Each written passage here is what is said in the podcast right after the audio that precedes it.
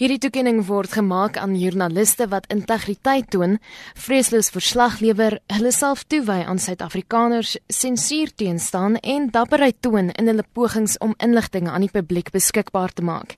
Vanjaar se toekennings is oorhandig aan die 8 joernaliste by die SAIK wat die nuus gehaal het deur van die uitsaaiers se besluite teen te staan. Een van die regters, Simpiwe Sisante, sê die besluit om hulle te vereer was eenparig. We did not have to argue about who was going to be a winner. It was a unanimous decision amongst us. It is those daughters and sons at the SAPC that we have decided to recognize as those that have exercised um, that courage. And we decided that um, all of them, the eight of them, are going to share this award jointly. William Voko en Monitor se uitvoerende regisseur Futa Kriege kon nie die geleentheid bywoon nie.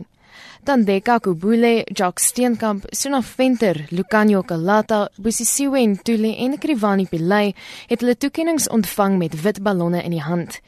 Ntuli en 'n emosionele Pillay het aanhalings uit die land se grondwet gemaak. What we are fighting for essentially is the right to do our job. The right to do our jobs without intimidation, without censorship. We believe that this right is enshrined in the Constitution. The SABC's mandate as a public broadcaster comes from the Charter, which defines its objectives. Hashtag not in our name. Die voormalige adjunk hoofregter vir die konstitusionele hof, Dikgang Moseneke, het nie oor die onlangse gebeure by die uitsaar gepraat nie. Hy het joernaliste egter uitgedaag om getrou te bly aan hulle beroep en om hulle rol te speel in die herbou van die gemeenskap.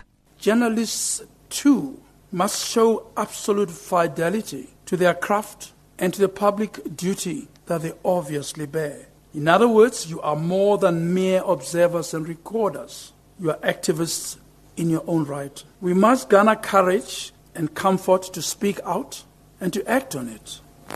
We must be truthful and rigorous in the pursuit of a more equal and just society. We must have the courage to call it right in the most difficult circumstances. Die nuut aangestelde SANEF voorsitter en die SAIK se adjunk politieke redakteur, Mahlatsi Gallens, het kommer uitgespreek oor die onlangse aanslag op joernaliste. We have seen a high number of attacks on our journalists on the ground, and the attacks, more scarily, are coming from our own communities. Communities that we are trying to tell their story. It is unacceptable that we can have our journalists that are doing their jobs having guns pointed at them that we can have our journalists living in fear and unable to do their work. We are also concerned that we continue to have incidents of police that are uh, intimidating our journalists, not allowing them to do their work. We need the police to come to the party to understand the role of the media. Die Suid-Afrikaanse Stichting vir Plaaslike Regerings het ook kommer uitgespreek oor aanslae op plaaslike raadslede. Die stigting is ook bekommerd oor die negatiewe lig waarin raadslede in die media uitgebeeld word.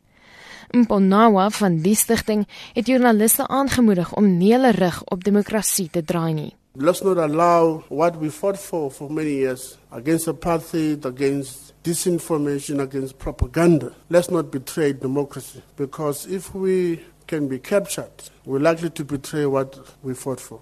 Be independent, refuse to be captured, and stand firm on what you is the truth. And it doesn't matter which side of where you are.